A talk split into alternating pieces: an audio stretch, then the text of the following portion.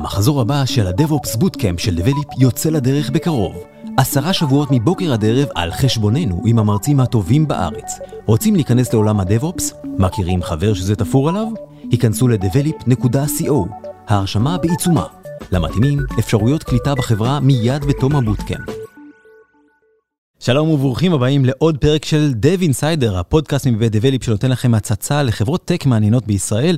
והיום אה, לקחנו את האולפן הנייד שלנו והתמקמנו בקומה 20 אה, בחברת Fundbox. אנחנו עם משה יעקובס שהוא Head of Infrastructure ב-Fundbox. שלום משה. שלום רב. תודה שבאת אלינו אה, ביום הנעים הזה, וכמובן באולפן עמרי ספקטור, CTO ומייסד Develeap, היי עמרי.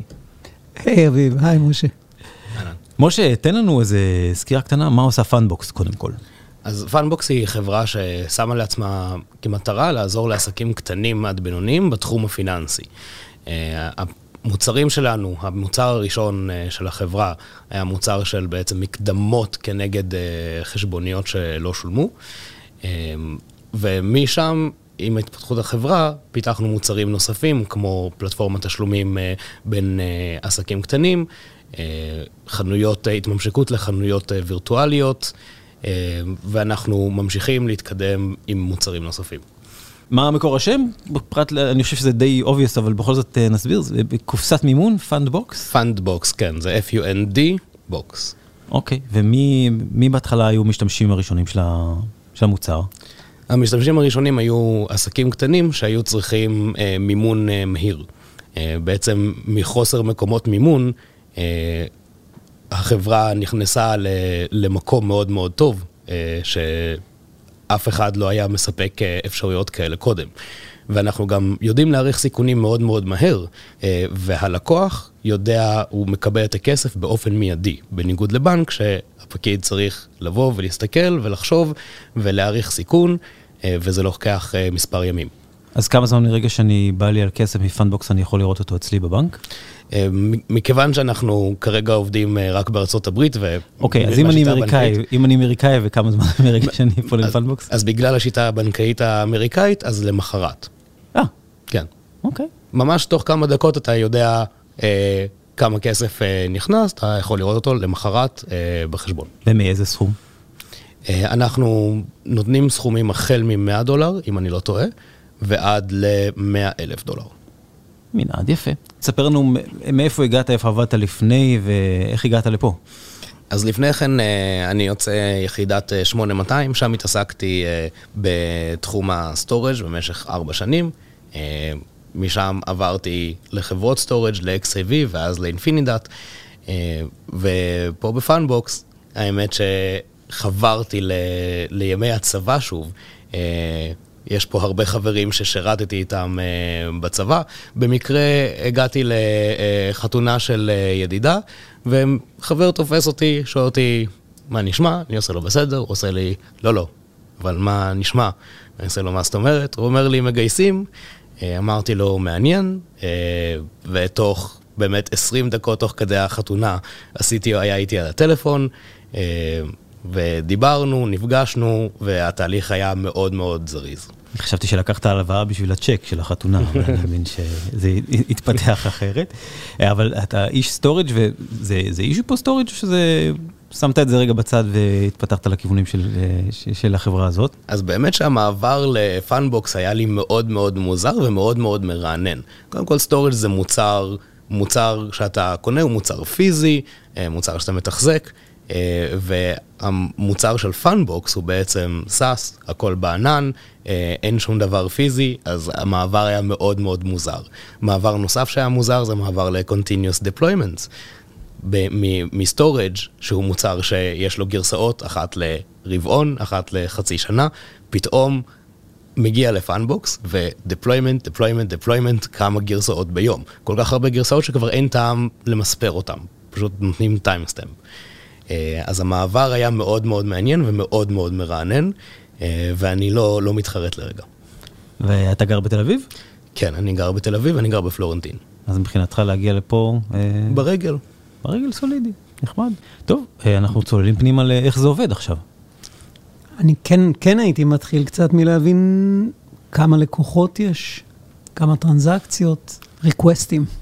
ריקווסטים, אנחנו רואים pattern ים מעניינים, כמובן שעות עבודה, ימים שלקוחות מחזירים כסף, מקבלים כסף, אנחנו רואים התחברות גדולה בחמישי-שישי וגם בימי שני. כמובן שאנחנו כל הזמן גדלים, אז אנחנו גם מוסיפים עוד שרתים, כוח עיבוד, עוד פרוססים שמאבדים בקשות. זה תהליך שקורה באופן טבעי, אבל הוא לא, הוא לא קורה, הוא קורה יחסית מעט. כמובן שאנחנו רואים גם גדילות לקראת Black Friday, או כל מיני אירועים כאלה, אז אנחנו מראש עושים scale up למערכות, להכין את הקרקע לימים כאלה. יש סריה של אתגרים שמאוד מאוד חזקים פה, במקום כמו Fundbox. החל מהעובדה שאתם מתעסקים עם כספים, והנושא של אמינות הוא סופר חשוב. המשך בזה שיש לכם גם UI של לא מעט מוצרים היום בחוץ, וגם API ללא מעט מוצרים, וכל הפלטפורמה שמאבדת סיכון. תאר לי קצת את התהליכים אצלכם, של CI, של CD, של איך מחזיקים משהו כל כך מגוון, אפ. אז אנחנו מאוד סומכים על המפתחים שיכתבו קוד ולא יכתבו באגים. אה, תהליך הפיתוח מתחיל כמובן לייצר ברנץ', להתחיל אה, לכתוב אה, קוד. משם למפתח יש סביבה לוקאלית, שממש מדמה את המוצר, והוא יכול לראות את ההתקדמות של הפיתוח שלו על גבי המחשב הלוקאלי, בלי רשת, בלי שום דבר. מרגע שהוא סיים, אנחנו עובדים עם GitHub, הוא עושה push, פותח pull request. כמובן, pull request מחייב code review, אנחנו מחייבים את זה, אז לפחות עוד זוג עיניים. וברגע שנפתח ה-pull request מתחילים תהליכים אוטומטיים של בדיקות, כל מיני בדיקות כמו unit test ים, כמו בדיקות linter ים, בדיקות מיגרציות, בדיקות שפיות לקוד.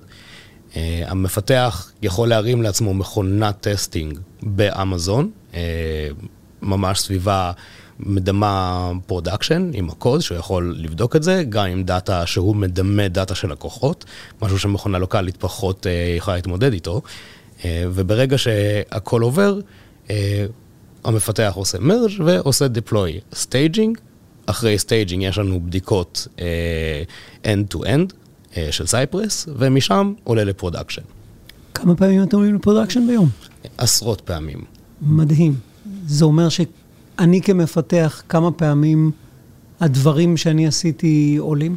לפעמים כמה פעמים בשבוע. ייתכן, זה תלוי בקצב של הפיתוח ותלוי ב-featureים. אבל כן, אנחנו גם, צריך לזכור שאנחנו גם, יש לנו מרכז פיתוח פה ומרכז פיתוח בסן פרנסיסקו.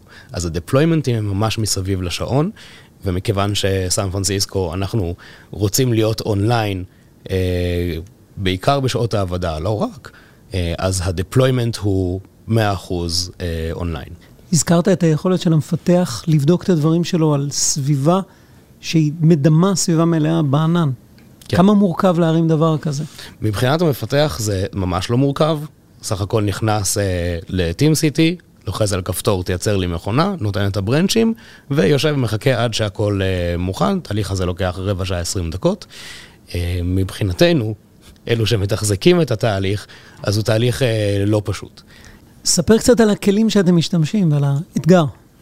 אז אנחנו יושבים על ה-cloud של אמזון. ברגע שמפתח לוחץ על הכפתור, מתחיל תהליך שמייצר את המכונות הרלוונטיות.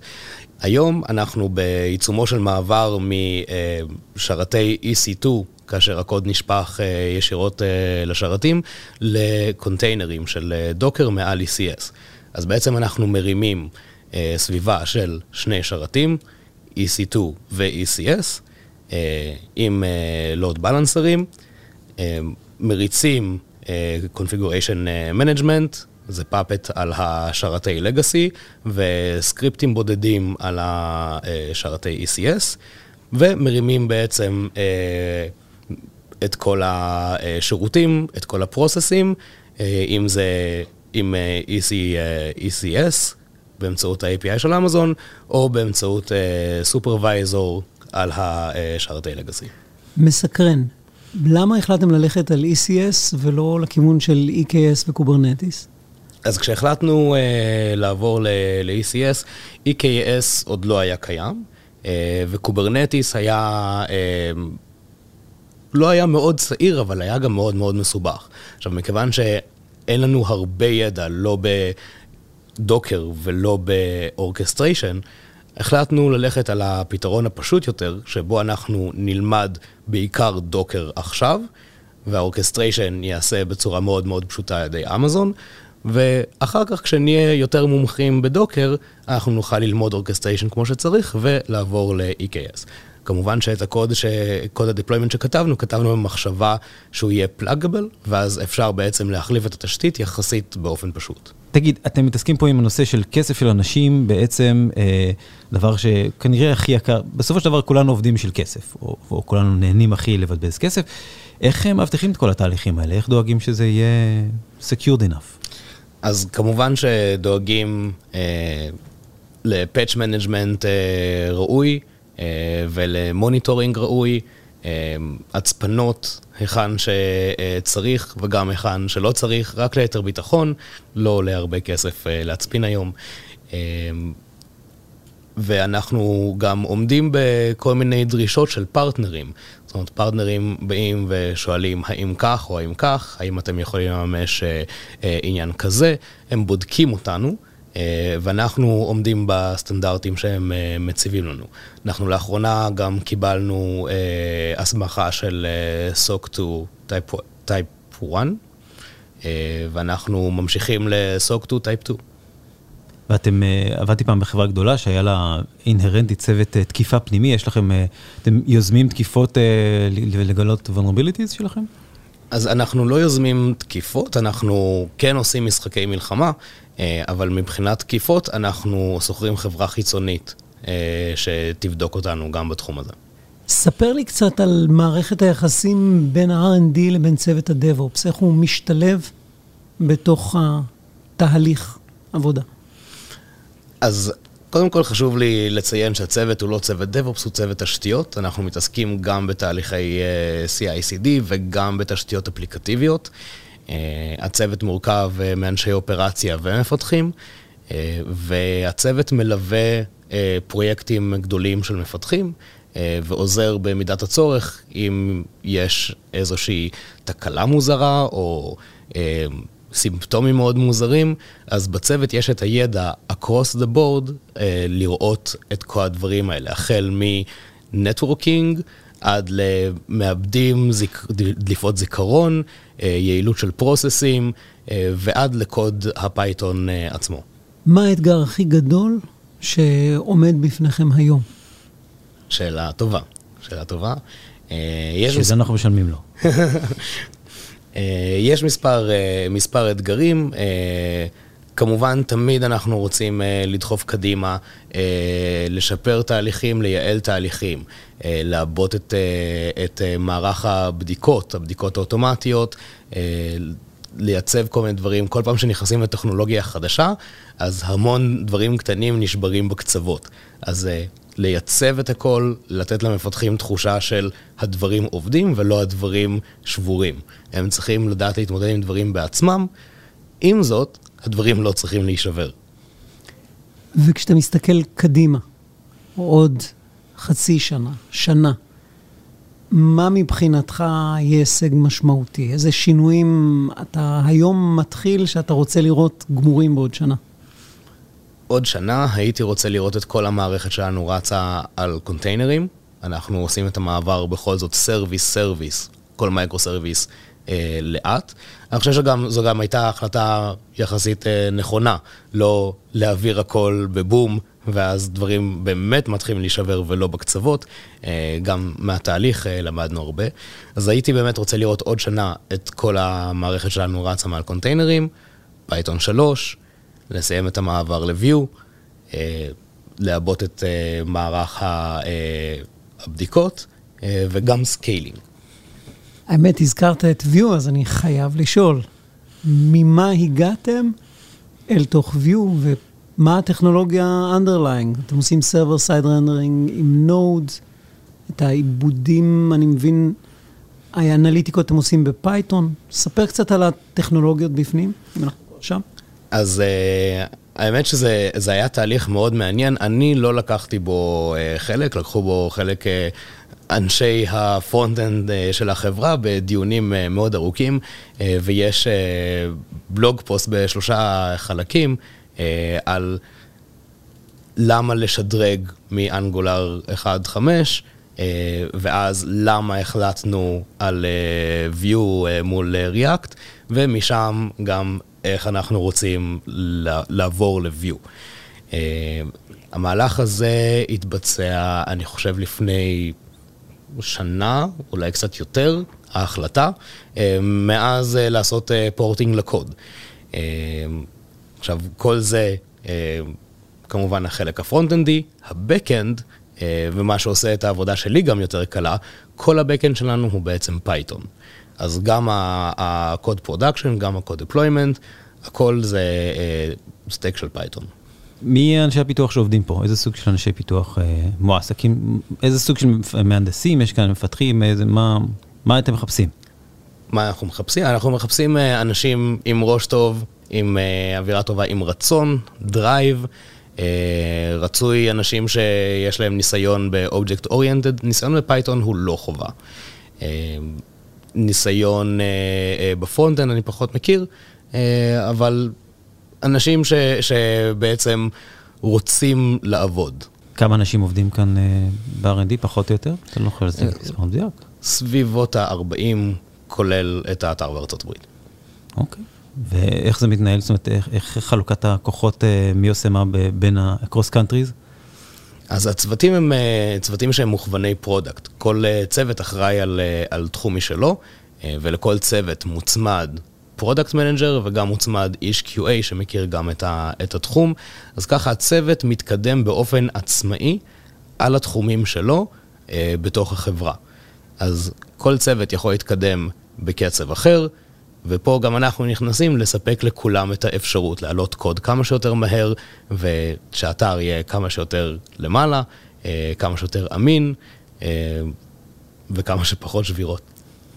והעבודה מול ארה"ב ולא נגיד אה, כמו שהרבה חברות בוחרות באיזה צוות פיתוח בהודו, שזה זול ומהר, זה?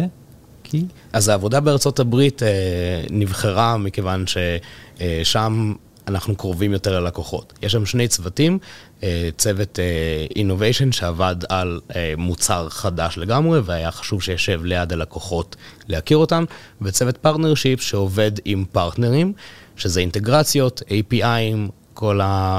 הסוגים האלו, וגם הפרטנרים שלנו אמריקאים, אז חשוב שזה יהיה באותו timezone. בסדר, משה יעקובס, Head of Infrastructure של Fundbox. אה, כן. המון תודה אה, על הזמן שלך ועל הכישרון שלך. תודה אה, לכם שאירחתם אותי. עמרי ספקטור מ-Develeap, תודה רבה. תודה משה, תודה אביב. יעל ליבוביץ' כרגיל, תודה על התמיכה והשמירה שלנו בתלם. ועד כאן. עוד פרק של Dev Insider, הפודקאסט מבית Develeap שנותן לכם הצצה מעניינת מאוד על חברות מעניינות מאוד אה, מתחום ה tech בישראל. עד הפרק הבא, היו שלום ושמרו לדגים. פודקאסט זה מוענק לקהילת ההייטק על ידי Develeap. Develeap היא סיירת של מומחי DevOps. DevOps מדיר שינה מעיניכם? היכנסו ל-devops.develop.com. עמרי ספקטור, CTO בדבליפ והצוות, ישמחו לעזור.